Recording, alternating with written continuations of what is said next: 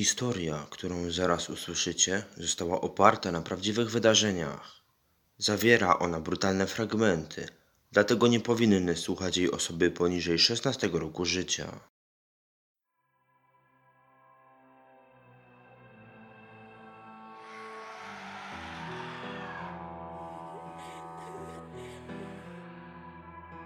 Cześć, jestem Łukasz, a to jest podcast Czytam się, którym prezentuję moje opowiadania i powieści w formie audiobooków. Wolisz słuchać niż czytać? Załóż słuchawki, usiądź wygodnie i zapomnij o Bożym świecie. Właśnie wkraczasz w świat mojej chorej wyobraźni.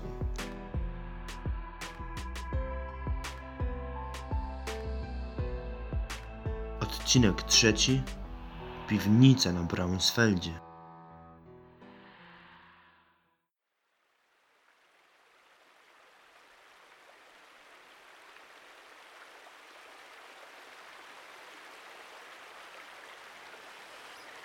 Nad rzeką nie było nikogo oprócz komarów, które obrały sobie moją osobę za cel. Szedłem wolno, wzdłuż nieoświetlonego nabrzeża. Przeczesywałem wzrokiem najbliższą okolicę. Na kwadrans przed końcem służby sięgnąłem do kieszeni koszuli poschowanego tam papierosa. Delektowałem się jego smakiem. Kiedy obserwowałem dym wznoszący się ponad taflą wody, usłyszałem szelest. Gdzieś zarośli moich uszu dobiegło ciche skomlenie psa.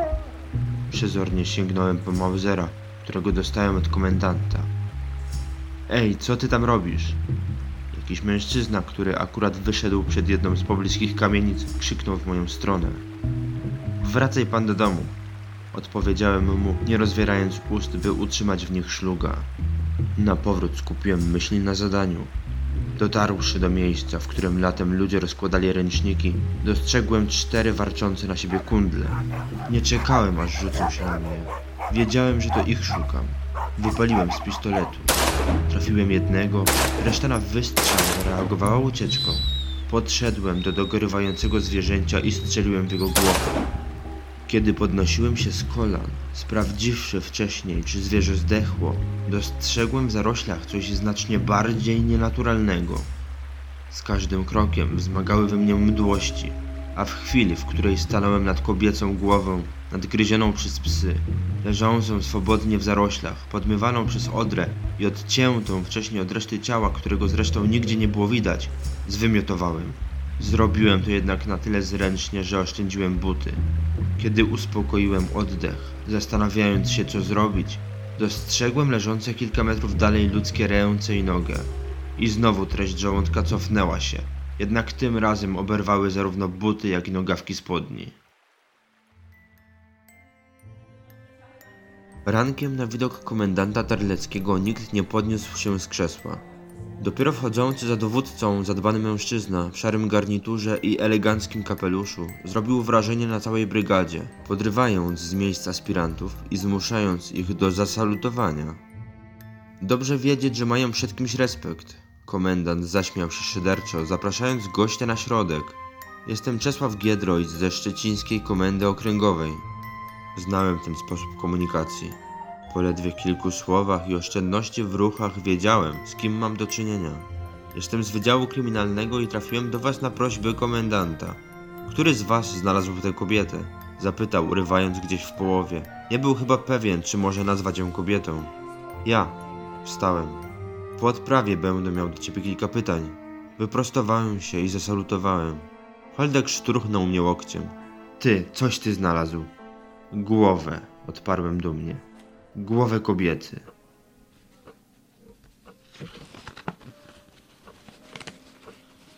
Komendant usiadł za biurkiem w swoim skromnie urządzonym gabinecie. Gestem zachęcił mnie do zajęcia krzesła po drugiej stronie. Cholera Otto, co ja mam z tobą zrobić? Wzruszyłem ramionami. Nie wiedziałem, co odpowiedzieć na tak absurdalne pytanie. Nie jesteście gotowi na takie zadanie. Obruszyłem się. A kto twierdzi, że jestem? Podniosłem wzrok wbity przed momentem w biurko. On, odparł niechętnie komendant Terlecki, wskazując na wchodzącego do gabinetu Czesława Giedroycia. Czyli mam pomóc? Potrzebuję kogoś, kto zna miasto, powiedział Giedroyć.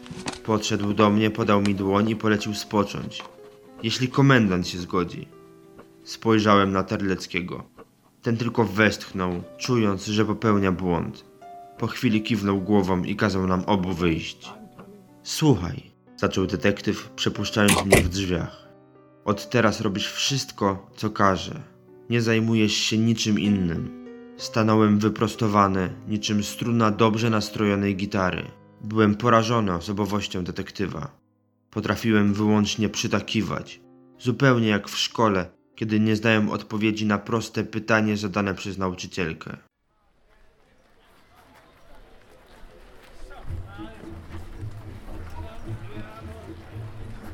Tamtego dnia wracałem ze służby z uśmiechem na twarzy. Pomyślałem, że w drodze do domu zajrzę jeszcze na targ. Liczyłem, że kupię kawałek mięsa dla matki. Kilka dni wcześniej częstowali mnie nim Franz i Józef. Koledzy, którzy razem ze mną próbowali dostać się do policji, ale nie przeszedłszy testów, zajęli się handlem. Wtedy odmówiłem, ale teraz wydało mi się to dobrym pomysłem. Kiedy wreszcie dotarłem na plac, wszyscy inni sprzedawcy zdążyli pozbierać swoje rzeczy i zniknąć. Zostali jedynie bracia, wytrwale obsługujący ostatnich klientów. Dzień dobry, zagaiłem. Franz kiwnął mi głową i wrócił do pakowania klientce czegoś, co przypominało polędwicę. Pieczołowicie owinął mięso w beżowy papier. Zostało trochę? Zapytałem, siląc się na nienachalny, niemal obojętny ton. Przykro mi, to był ostatni, odparł Franz szczerze. Wzruszyłem ramionami, odrobinę rozczarowany i pożegnałem się.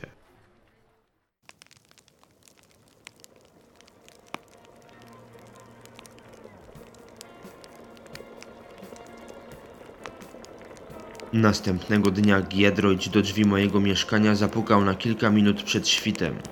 Tak wczesna wizyta nie spodobała się mojej matce. Otworzyła drzwi z lokami na głowie i zmarszczkami pod oczyma. Otto do ciebie, zawołała na mnie z pretensją. Kazałem jej wracać do łóżka, ale stanęła w kuchni z coraz większym zdziwieniem i ciekawością rysującymi się na jej zmęczonej twarzy. Jak nie śpisz, to chociaż herbatę nam zrób. Niech się pani nie trudzi, wtrącił się detektyw. Zaraz wychodzimy. Matka spojrzała na mnie nierozumiejącym wzrokiem. To nawet śniadania nie zjesz? Jajek ci wczoraj nagotowałam. Po co ja wczoraj stałam? Ale ja zabrałem już dokumenty i wyszedłem z mieszkania, a za mną Czesław Giedroyć. Zadowolony, że nie musiał spędzać dłuższej chwili w ciasnej kuchni pod palącym spojrzeniem mojej matki. Z mieszkania nad rzekę było mniej niż 15 minut. Dlatego do zejścia do wody, dokładnie tam, gdzie dwa dni wcześniej znalazłem ciało, dotarliśmy szybko. Dziękuję posterunkowy. Giedroyć odprawił funkcjonariusza pilnującego miejsca zbrodni. Zacząłem rozglądać się po szuwarach i kiedy miałem już zameldować, że nic nie znalazłem, moim oczom ukazał się kawałek zakrwawionego papieru. Niechętnie postawiłem stopę w błocie. Moja noga zniknęła w czeluści błotnistej mazi. Musiałem nie zauważyć tego wcześniej. Stwierdziłem, tłumacząc się przed detektywem i przed samym sobą.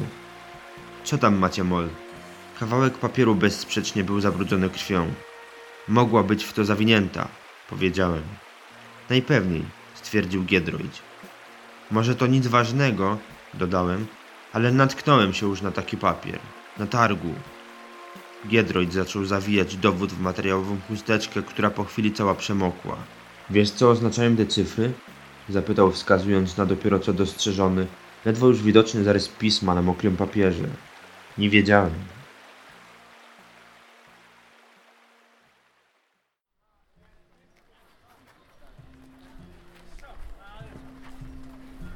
Stolik Franca i Józefa był oblegany, jak co dzień. W ogonku ustawiło się dwa razy więcej klientów niż do pozostałych stoisk. Co jasna sprawa nie spodobało się pozostałym sprzedawcom. Minąłem kolejkę i zaprowadziłem detektywa wprost do Franciszka. Dzień dobry. Śledczy przywitał się sucho. Franz uchylił kaszkiet, nie zwracając większej uwagi na towarzyszącego mi elegancko ubranego mężczyznę. Kto to jest? Detektyw z okręgówki. Mamy kilka pytań. Odparłem. Kiedroyć wyjął z kieszeni przemoczoną chusteczkę, odwinął ją. Podobno pakujecie mięso w taki papier. Ciszej, człowieku, odezwał się drugi z braci. Idźcie na bok. Franz zabrał nas kilka metrów dalej, gdzie nie mogły dosięgnąć nas uszy wścibskich klientów. Tak, to nasze. Skąd ta pewność? Tylko my tu handlujemy mięsem. A co to za cyfry? Zapytałem, wskazując na ledwie widoczne znaki pozostawione piórem. To cena. Dostawca wypisuje ją na papierze, żebyśmy wiedzieli, ile musimy mu oddać. Detektyw wyjął notę z jołówek. Jak się nazywa ten dostawca? Franz wzruszył ramionami. Nie wiecie, kto wam przywozi towar? Detektyw zapytał rozeźlony. Człowieku, to jest drzeła złota. Nie pytaliście, dlaczego wy? Zagadnąłem zdziwiony. Założę się, że jest tu kilku innych chętnych na taki interes. Franz pokiwał głową. Przychodzi z mięsem. Kilka dni później przynosi kolejny kawałek i chce pieniędzy za poprzednią dostawę. Postawił jeden warunek. Nie zadawać pytań. Detektyw podziękował Franciszkowi i zabrał mnie na bok. Ty też myślisz, że to dziwne? Ja chciałbym kontakt do dostawcy, stwierdziłem pewnie. Co robimy? Wracamy na komendę. Niech sprawdzą ten papier, może dowiemy się skąd pochodzi.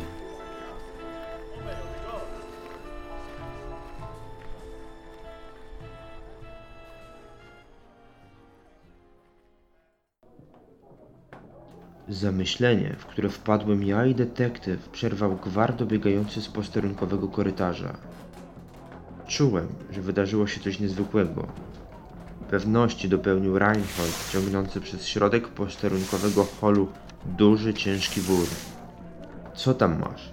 Zapytałem, kiedy już przecisnąłem się przez zbiegowisko ciekawskich policjantów. Holdek nie odpowiedział. Kiwnął tylko głową, zapraszając mnie, detektywa Giedroycia komendanta, który akurat wyszedł ze swojego gabinetu do sali odpraw. Dodźwigał tam wór i kiedy wszyscy znaleźliśmy się wewnątrz, zamknął za sobą drzwi. Kolejna ofiara, powiedział z uśmiechem na twarzy, wysypując zawartość wor na ziemię. Kawałki ciała głucho upadły na podłogę, zabryzgując ją krwią. Giedroyć nie potrafił ukryć złości. Komendant także cały kipiał. Niczego ich nie uczycie? Dopiero w tej chwili Reinhold zauważył nietęgie miny na naszych twarzach. Co jest? zapytał poirytowany brakiem uznania. Zrobiłeś zdjęcie miejsca zbrodni? Przeszukałeś okolice? Pamiętasz w ogóle, gdzie to znalazłeś? zapytał śledczy. Wyraz twarzy Reinholda dał do zrozumienia nam wszystkim, że nie zajął się oględzinami miejsca zbrodni. Przy stawie na Zobelsdorfie.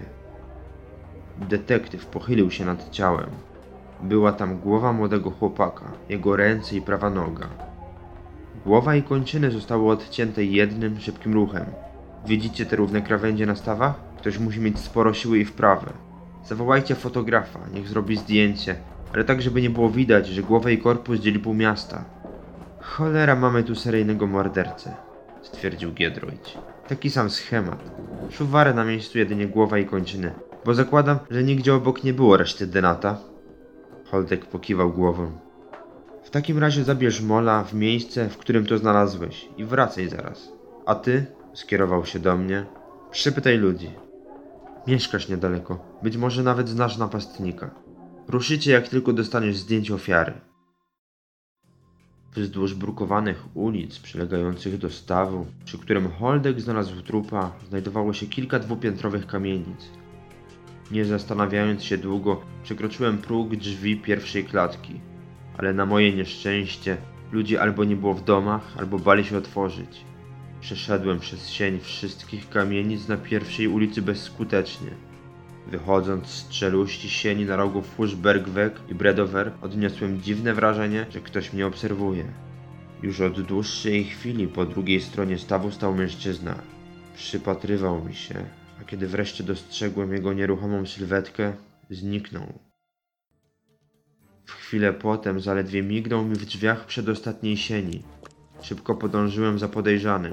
Wbiegłem we właściwe drzwi i słysząc na pierwszym piętrze odgłos przekręcanego zamka, skoczyłem na schody. Kiedy już zlokalizowałem mieszkanie mężczyzny, zapukałem na tarczywie. Z wnętrza dobiegło ciche westchnięcie i po chwili starszy, szczupły dżentelmen otworzył drzwi. Wyjąłem odznakę. Witam, starszy posterunkowy Mol. Dlaczego pan uciekał? Mężczyzna udał, że nie rozumie pytania. Dlaczego pan uciekał? A dlaczego pan mnie gonił? Wyjąłem z kieszeni kurtki fotografię. Zna go pan? Staruszek podniósł palec, każąc mi zaczekać. Znajdę okulary, krzyknął z wnętrza mieszkania. Myślałem, że nie wróci. Chciałem wejść za nim, ale po chwili usłyszałem, jak staruszek idzie ku drzwiom, szurając znoszonymi kapciami po dawno niecyklinowanej podłodze. Wreszcie pojawił się przede mną, skulony, z rozchybotanymi okularami na dużym nosie. Spojrzał na zdjęcie przez grube szkła. Tak, mieszka piętro niżej. Z kimś się widywał? Kiedy ostatni raz go pan widział? Jest taki jeden kulas. Przychodzi tutaj, potem wychodzą razem. Ja tam wolę się nie interesować, ale moim zdaniem są tymi, no wie pan, pederastami. Zresztą ten starszy wyglądał mi na Żyda. Niech pan pyta na kolei, ten młody tam pracuje.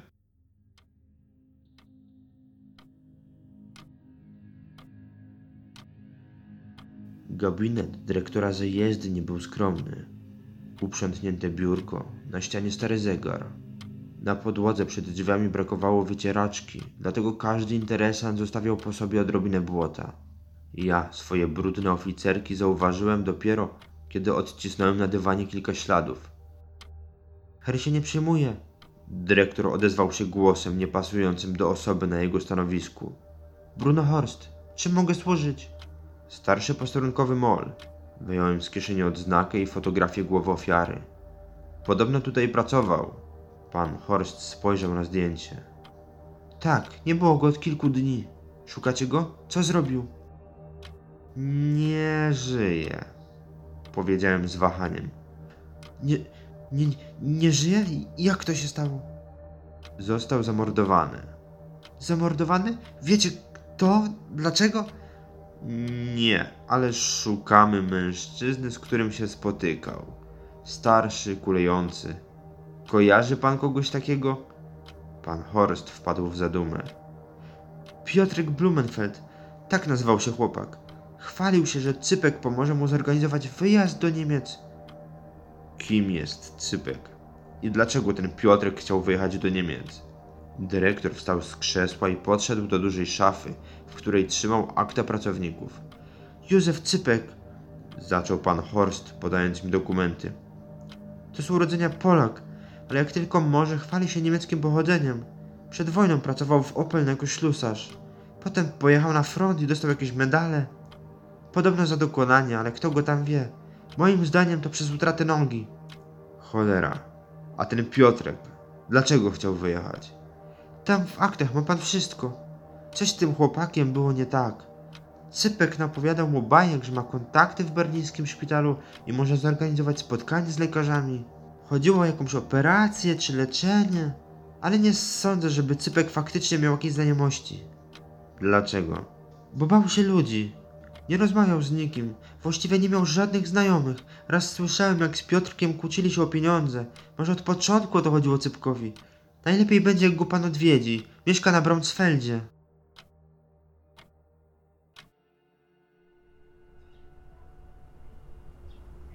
Braunsfeld był prowincją Szczecina.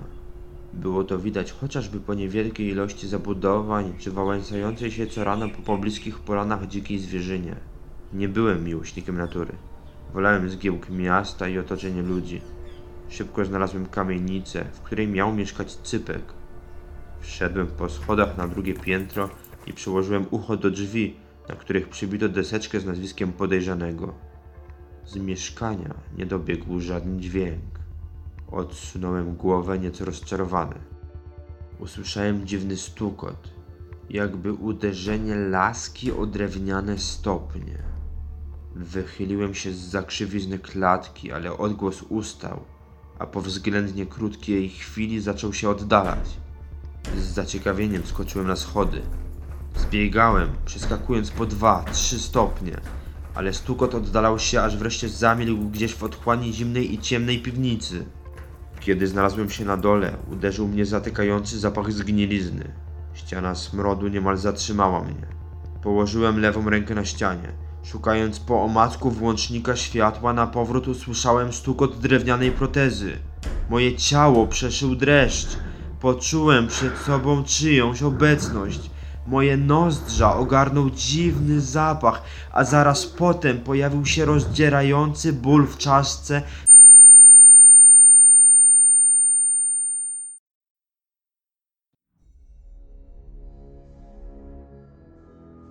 Komendant siedział w swoim biurze przy otwartych drzwiach. Palił papierosa za papierosem i co rusz wychodził z zabiórka. Wreszcie nie wytrzymał i zawołał do gabinetu Holtka. Wiesz, co się dzieje z Ottonem? Reinhold pokiwał głową.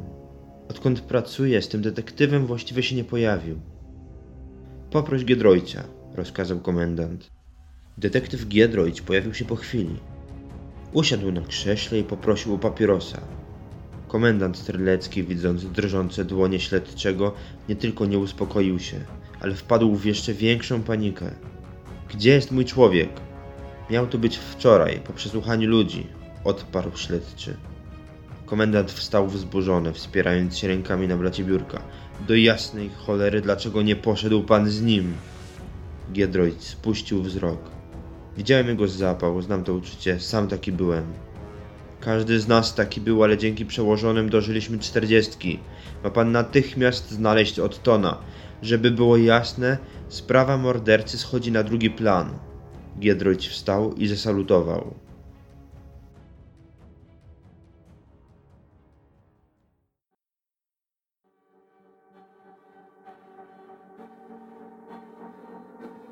Otworzyłem oczy, ale kawałek materiału przysłaniający mi twarz uniemożliwiał zobaczenie czegokolwiek. Na domiar złego moja skroń pulsowała jego szalała. Ledwo potrafiłem zebrać myśli. Szarpnąłem rękami, lecz pasek, który mnie związano, trzymał mocno. Kilka metrów dalej, za drzwiami, zaczęła krzyczeć kobieta. Przez chwilę, potem jęk bólu przerwała podejrzana cisza. Ktoś zrobił krok. Wiem, że to ty, Cypek, Chciałem brzmieć groźnie, ale mój głos załamał się. Nie doczekałem się odpowiedzi, a przynajmniej nie takiej, na jaką liczyłem. Raz jeszcze oberwałem w głowę i zemdlałem.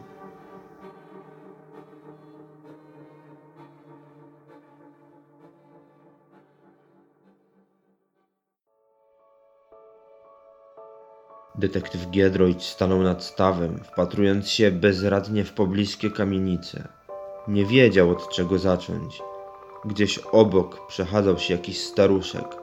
Po drugiej stronie dwójka nastolatków leżała w wysokiej trawie. Nie zastanawiając się długo, wybrał staruszka. Nie lubił rozmawiać z młodymi. Nie rozumiał ich slangu. Wydawało mu się, że młodzi niczego i nikogo już nie szanują. Dzień dobry, zaczął grzecznie, wyjmując odznakę. Czesław Giedroyć, okręgowa komenda policji. Czy kilka dni temu nie widział pan tutaj młodego policjanta?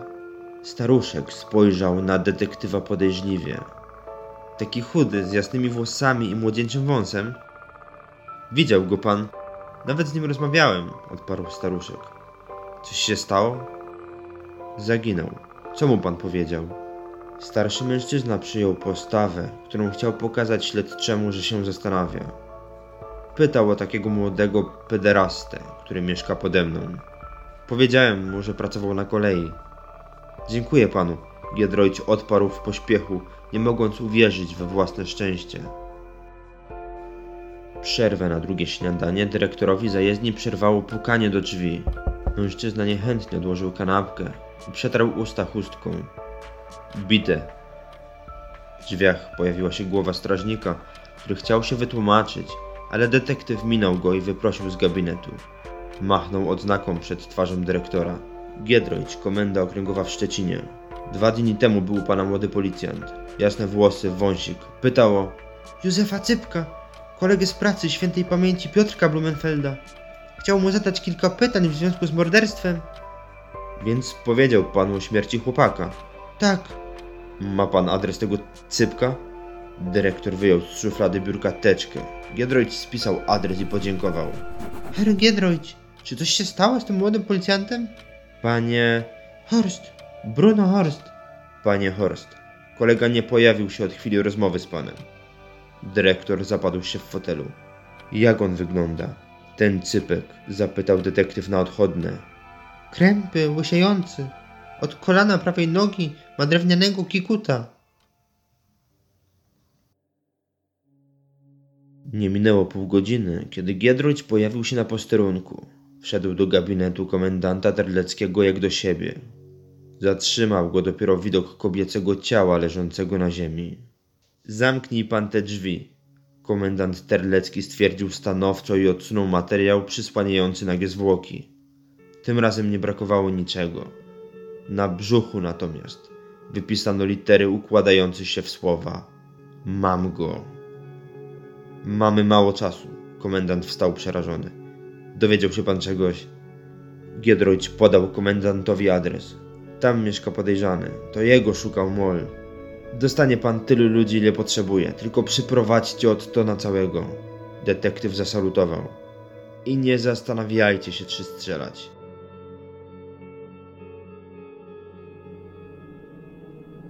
Raz jeszcze otworzyłem oczy, choć pulsujący ból głowy kazał mi je przymknąć.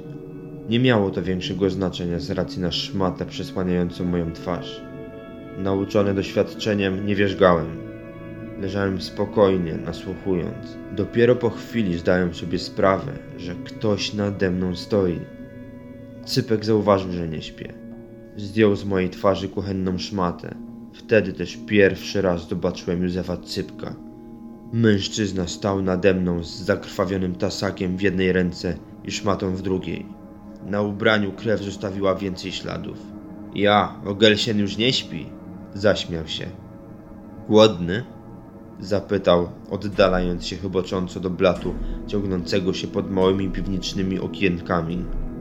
Wziął zamach i uderzył tasakiem w duży kawałek mięsa. Dopiero wtedy dostrzegłem na blacie kawałki mózgu. Ludzkiego mózgu. Gdzieś za cypkiem stała kuchenka, a na niej patelnia z dziwnie wyglądającą jajecznicą. Człowieku, co ty robisz? Cypek zignorował pytanie, starannie dzieląc mięso na mniejsze porcje. Kiedy skończył, zawinął każdy fragment w beżowy papier. Kładł na wadze, po czym zapisywał wyniki w zeszycie. Razem 5 kilo. Kiedy ułożył mięso w mały stos, zabrał się za siekanie kawałka mózgu, który potem dorzucił do jajecznicy. Włączył kuchenkę i spojrzał na mnie. Moje ciało przeszedł dreszcz. Idź habe Vergesen, że tu jesteś. Dlaczego to robisz? Zapytałem coraz bardziej drżącym głosem. Cypek zbliżył się do mnie, przystawił krzesło tyłem naprzód i usiadł.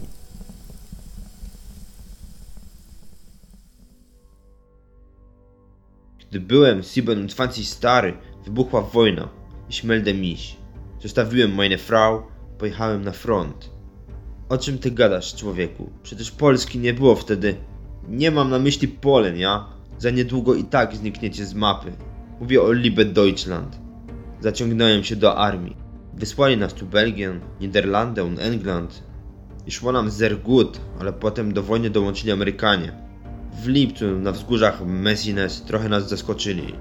Dopóki nie zaczęli strzelać z artylerii, wszystko było es ist ok.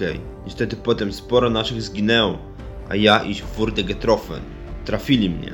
Podobno to wina jakiejś Schwein aus Polen, która mierzyła z działa. Cypek ze złości aż rzucił tasek na ziemię. Zrobili mi to, wskazał na drewnianą protezę, żeby zakażenie nie poszło wyżej. Później wręczyli mi medal. Es ist deine Schuld, was wszystkich, ale teraz bierzecie to, na co zasługujecie. Kiedy skończył opowiadać, wstał z krzesła, podniósł z ziemi tasak i zaczął przyglądać mi się z zaciekawieniem. Centymetr po centymetrze, jakby oceniał, jak podzielić moje ciało.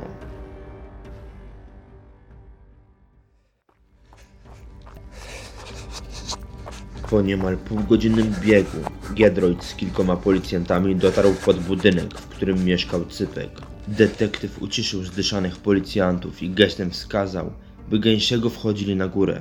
Kiedy dotarli na drugie piętro, Giedroyd bez wahania kopnął w drzwi. Policjanci wbiegli do wewnątrz, zostawiając detektywa na klatce. W chwilę potem na piętrze pojawiło się kilka ciekawskich par oczu. Do domów! krzyknął Giedroyd wyjmując odznakę. Policja! Szukacie pana Cypka? zapytała starsza kobieta z głową pełną loków. Tak, wie pani gdzie on jest? Panie jego tu nie ma. On całymi dniami w piwnicy siedzi. Bóg jeden wie co on tam robi, ale śmierdzi, że już nikt nie schodzi na dół. Raz pan Offenbaum z parteru chciał zabrać węgiel, to go ten cypek przygonił. Giedroyd stanął w drzwiach mieszkania. Panowie, do piwnicy! Policjanci kolejno wybiegali z mieszkania i pędzili na dół, niczym stado dzikich psów krążących po mieście. Pusto, mieszkanie czyste, powiedział dumnie Holdek. Zostań tu i pilnuj, żeby nikt nie wchodził. Jak wróci ten cypek, strzelaj. Giedroyć polecił mu i zaraz dodał, widząc nadchodzące pytanie. To niski, masywny gość bez nogi. Holdek zasalutował i stanął przed drzwiami mieszkania podejrzanego. Piwnica była ciemna. Ktoś wykręcił żarówkę, przez to długi korytarz ciągnący się pod kamienicą sprawiał nieprzyjemne wrażenie. Śmierdziało tak, że jeden z funkcjonariuszy wybiegł przed budynek i zwymiotował, a kilku pozostałych zgięło się w pół, dławiąc. Broń do ręki i idziemy za smrodem. Giedroyć polecił niewzruszony. To tutaj, stwierdził jeden z funkcjonariuszy, wskazując na drugie drzwi po lewej. Detektyw wyjął swojego Lee Enfielda, wszedł do pomieszczenia. Jedną ręką trzymał pistolet, drugą położył na ścianie tuż za drzwiami. Wymacał włącznik światła.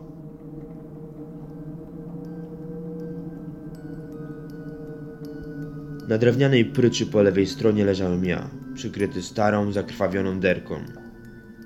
Do diabła, powiedział pod nosem detektyw. Sprawdźcie pomieszczenie. Rozkazał, samemu podchodząc do mnie niepewnym krokiem. Przyłożył dwa palce do mojej szyi. W tym momencie złapałem go za rękę. Szaleńczym wzrokiem spojrzałem w jego wystraszone oczy. Gdzie on jest? zapytał. Nie słysząc odpowiedzi, potrząsnął mną. Tu go nie ma, odparłem, wracając zmysłami do świata żywych. Co ci zrobił? Jesteś cały? Jęknąłem z bólu. Z trudem uniosłem materiał zakrywający moje nogi. Tam, gdzie człowiek ma prawą stopę, piszczel i kolano, u mnie była pustka. Zaraz cię stąd zabierzemy. Wiesz, dokąd poszedł cypek? Kiwnąłem głową. Targ, powiedziałem krótko, krzywiąc się z bólu. Mięso.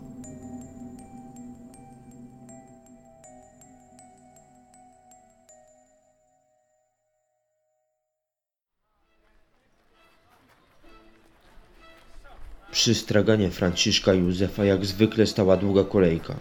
U konkurencji co jakiś czas pojawiał się pojedynczy klient, sprawdzając wzrokiem towar, by zaraz potem zająć miejsce w ogonku do stoiska braci. Słuchaj mnie uważnie, powiedział detektyw Giedroć do Holtka, obserwując plac za jednej z kamienic. Podejdziesz teraz do tego młodego chłopaka w kaszkiecie. Zapytasz go, czy mieli dostawę. Jeśli powie, że nie, wrócisz tutaj. A jak powie, że tak, staniesz w kolejce. Holdek kiwnął głową. Podszedł do sprzedawcy. Wymienili kilka zdań, po czym wrócił do detektywa. Nie mieli. Są zdziwieni, bo o tej porze już się pojawiał.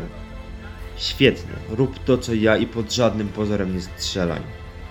Kucnęli za rogiem budynku, przypatrując się straganowi. W chwilę potem do Franca zbliżył się Cypek. To on! krzyknął Reinhold.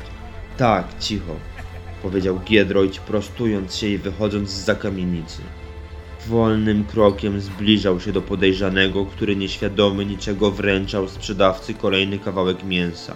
Giedroyć wyjął broń. Zrobił to wolno, by Cypek zdał sobie sprawę z obecności policjanta. Komenda policji w Szczecinie, inspektor Czesław Giedroyć. Józefie Cypku, połóż to, co trzymasz na stole i powoli się odwróć. Cypek nie posłuchał. Puścił trzymane w rękach mięso na ziemię, przewrócił stolik i rzucił się do ucieczki. Giedroyć przestawił broń na pojedyncze strzały. Przyłożył karabin do policzka i celował. Już miał nacisnąć spust, już miał ranić cypka w drugą, zdrową nogę, kiedy jego uszu dobiegł donośny huk. Obrócił się i zobaczył Reinholda trzymającego pistolet. Do jasnej cholery miałeś nic nie robić, powiedział wściekły detektyw.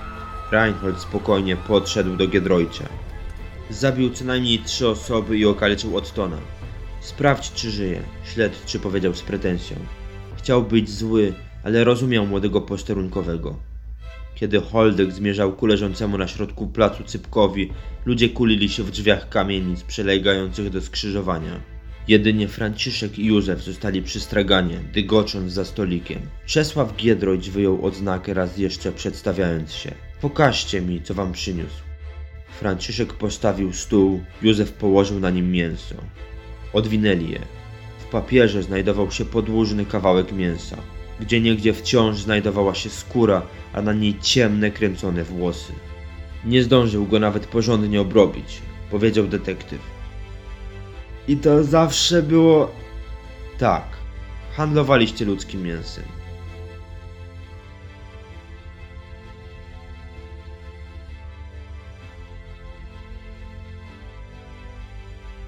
To był trzeci odcinek podcastu Czytam się, w którym prezentuję moje opowiadania i powieści w formie audiobooków.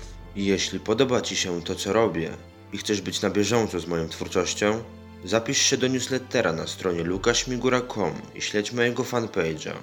Oprócz informacji o nowych audiobookach, dzielę się tam fragmentami nowych opowiadań. Do usłyszenia już niebawem.